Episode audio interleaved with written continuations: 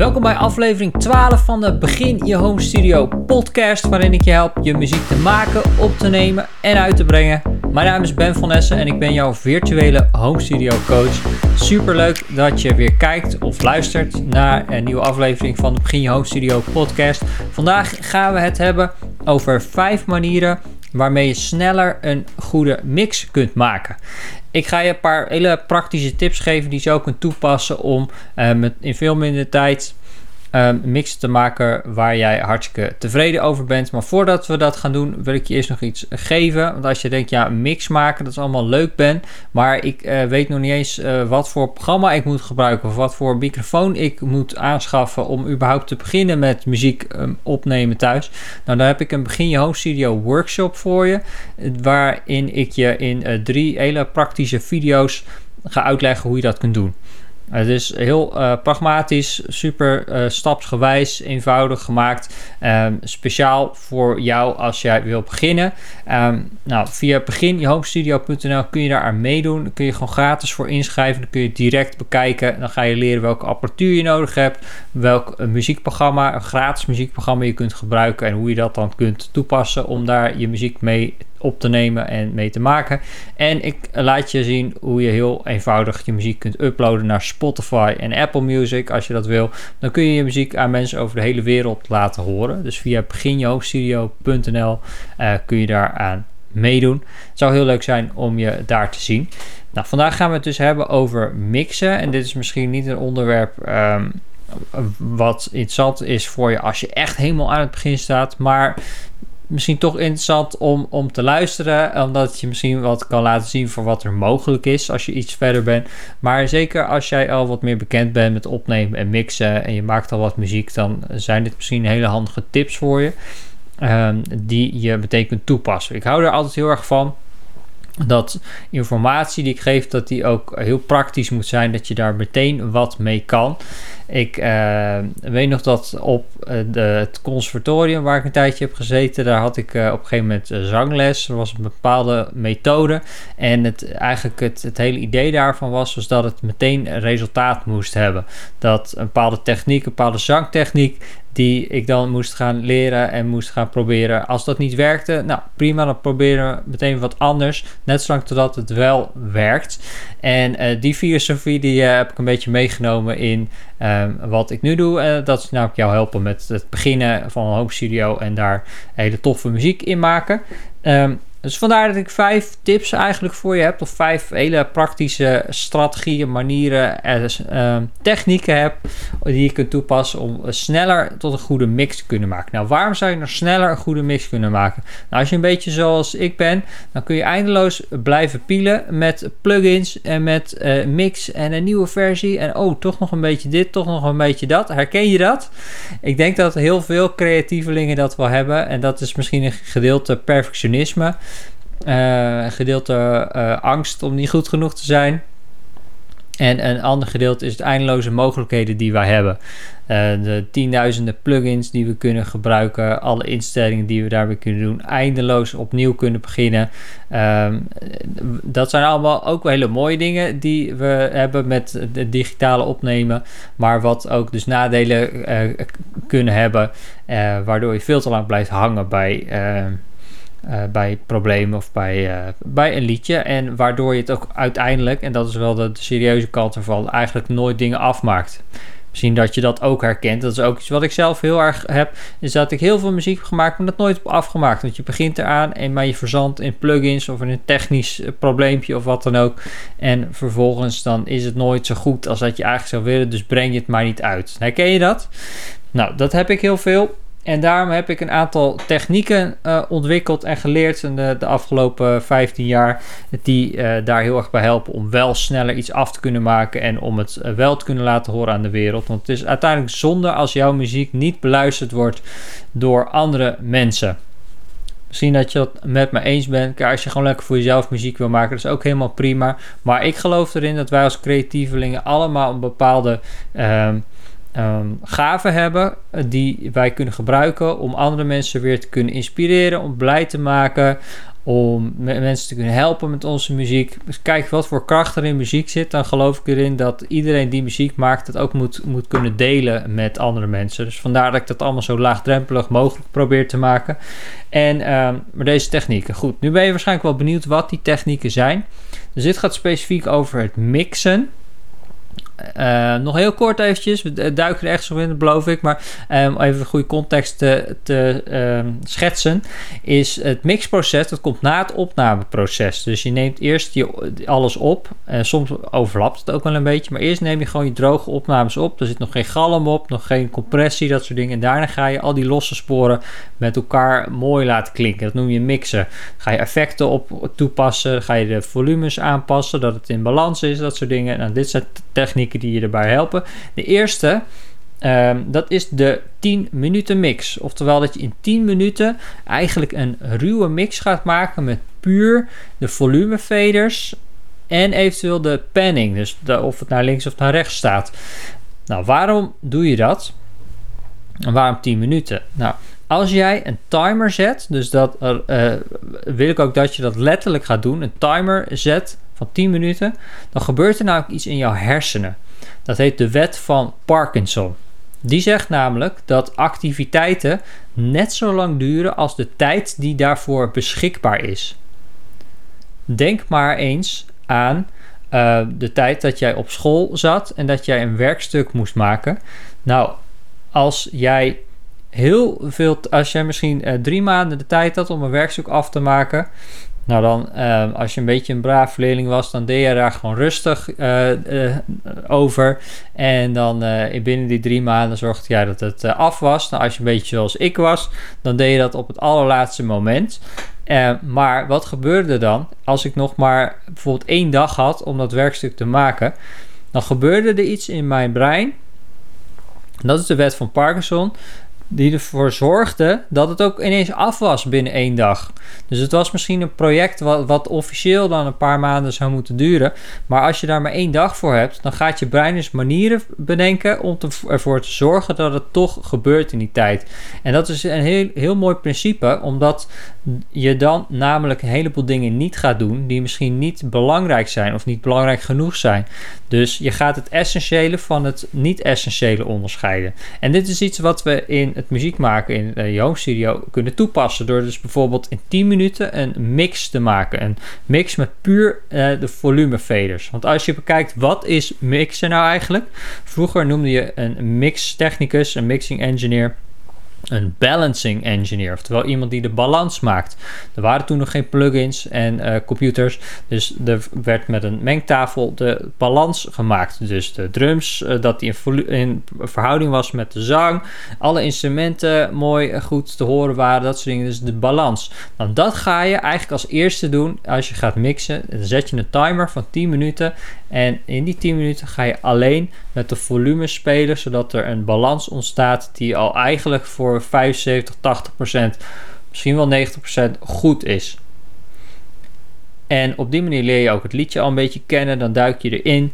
Uh, maar ga niet langer door dan 10 minuten. Zorg echt dat je een timer hebt staan en als die afgelopen is, dan stop je. Dan ga je daarna weer verder. Ja, want dan dwing je jezelf dus om in 10 minuten al eigenlijk een goede balans te creëren. Uh, dus dat is techniek nummer 1. De tweede techniek is mixen in mono. Nou, hier heb ik het ook al wel vaker over gehad.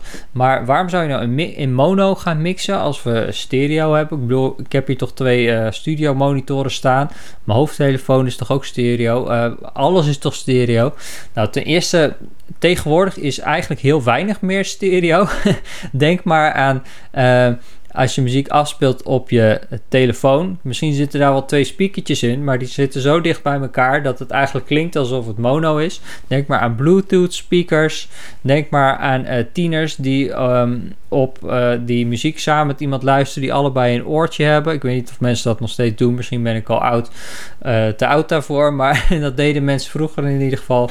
Um, denk maar als je in een winkel rondloopt, je hoort muziek, dan heb je niet mooi twee speakers voor je staan, maar je hoort ergens vanuit één speaker de muziek. Dus mono is nog steeds, of misschien wel steeds meer, hartstikke belangrijk. Het is heel belangrijk om ervoor te zorgen dat jouw muziek goed klinkt in mono. Dat je niet allerlei fancy stereo effecten hebt die totaal verdwijnen wanneer je je mix in mono beluistert.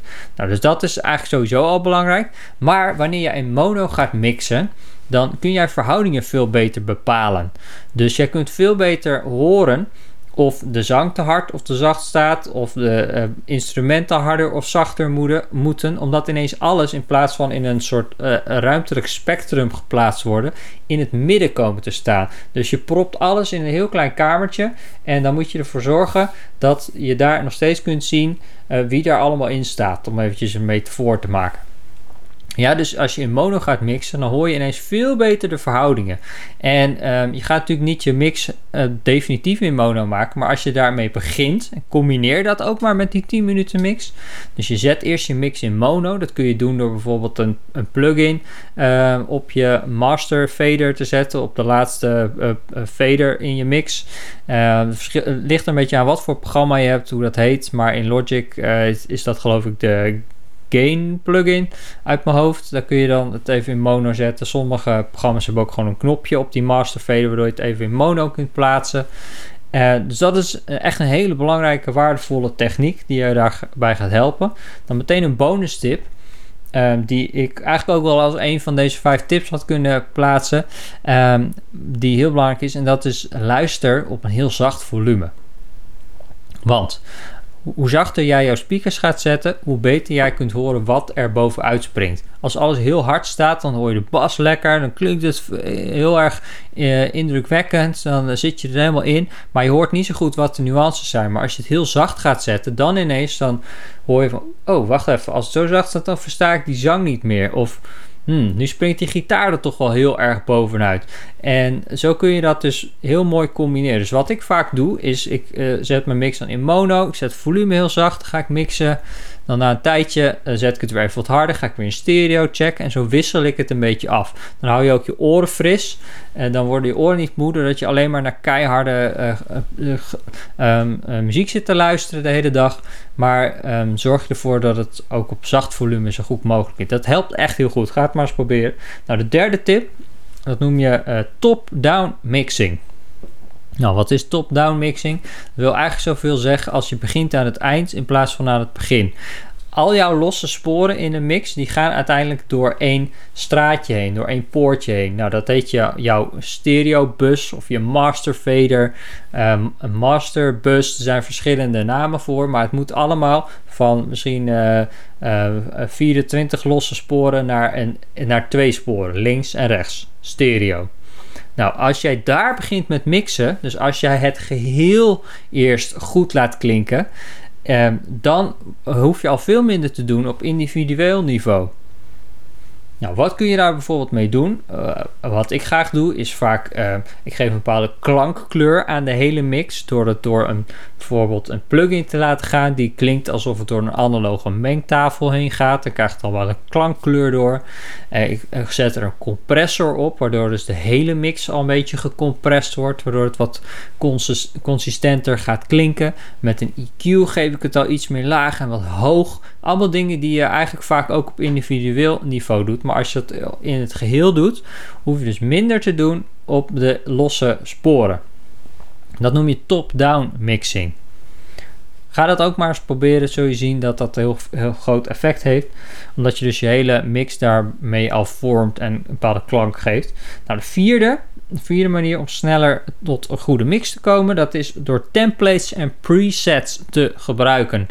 Um, templates en presets, dat zijn voorinstellingen die je dus maakt. Dus stel je hebt een hele toffe instelling uh, een keertje gevonden op jouw zang met compressor en galm en wat er ook. Nou, dan kun je dat in de meeste DAW's opslaan als een uh, preset of een uh, template. En dan de volgende keer, wanneer jij weer een zangpartij gaat opnemen of gaat mixen, dan klik je die gewoon weer aan. En dan heb je meteen al die plugins er weer op staan in dezelfde instellingen. Dus dat scheelt heel veel tijd. Dit is misschien wel als je het echt puur hebt over tijd besparen, een van de belangrijkste. Ehm, dus als jij merkt van hé, hey, ik gebruik telkens toch dezelfde soort instellingen, of ik begin vaak hiermee, sla dat maar eens op als preset, of misschien zelfs als een template. Dus een template is eigenlijk echt meer jouw hele project. Dus als jij drums en bas, gitaar en zo allemaal ongeveer dezelfde plugins telkens gebruikt, sla je dat op als een soort startpunt en dan kun je dat weer openen of daar importeren in jouw mix en op die manier bespaar je heel veel tijd. Um, dus dat is best wel een goede tip. Vaak ook binnen plugins kun je presets kiezen en opslaan. En dus dat kan je ook helpen. Hoef je maar één keer te klikken in plaats van dat je alles weer moet instellen.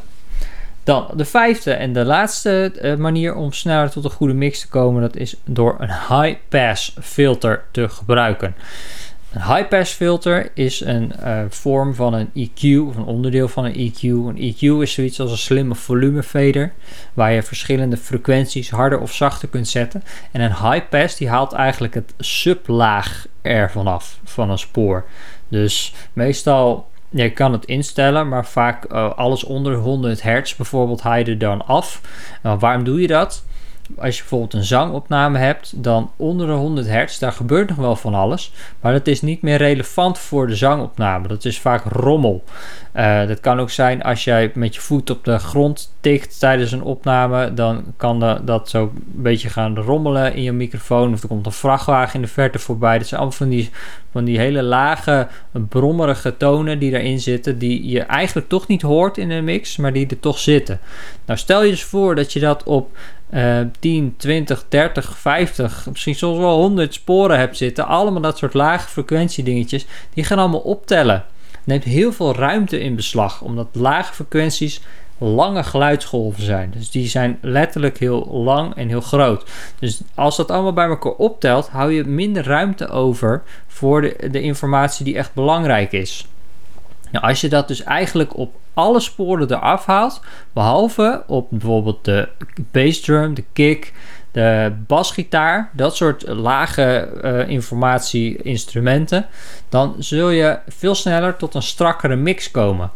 Want misschien als je het bij één spoor uh, doet, dan valt het niet zo op. Maar als je het bij alles doet, dan gaat het wel optellen. Dan krijg je een cumulatief effect. En dat zorgt ervoor dat je dus sneller tot een strakkere mix komt. Die helderder klinkt, die schoner klinkt, waarbij je elementen makkelijker kunt onderscheiden, omdat het veel minder modderig klinkt. Dus wat ik je eigenlijk wil uitdagen is om al deze vijf technieken eens te gaan proberen. Om dit toe te gaan passen en uh, dan mij te laten weten of dat jou geholpen heeft, ja of nee. Je kan gewoon een reactie achterlaten als je dit op YouTube kijkt. Um, op mijn website kun je me anders ook een bericht sturen. Dat, dat, lijkt me ook heel leuk. Maar ik ben heel benieuwd naar wat jij van deze technieken vindt. Heb jij deze al wel eens gebruikt? Of zijn ze nieuw voor je? Laat dat even weten in een reactie onder op YouTube. En uh, dat zou heel leuk zijn om van jou te horen. Nou, als je nou dit, deze podcast beluisterd hebt en het klinkt echt als abracadabra en je staat helemaal aan het begin No worries, dan ben ik er ook om, je te helpen. Wat ik in het begin ook al noemde, heb ik een eh, gratis workshop voor je. De Begin Je Home Studio Workshop. Die kun je gewoon gaan kijken en weet je, dan kom je hier vanzelf wel een keer. Maar start aan het begin met de juiste apparatuur, met het juiste programma. Want ik wil gewoon dat je zo snel mogelijk aan de slag gaat. Dat is het belangrijkste. Veel belangrijker dan al die mixtechnieken. Het is belangrijk dat je jouw muziek gaat maken, omdat daar kracht in zit en dat je daar mensen mee kunt gaan helpen met jouw ideeën, met jouw creativiteit. Dus ga die kijken als jij je aangesproken voelt op beginjehomestudio.nl. Kun je gewoon gratis gaan kijken. Uh, kun je meteen starten. Zou heel leuk zijn. Nou, ik hoop uh, verder van je te horen. Zou heel leuk zijn om een reactie uh, te krijgen.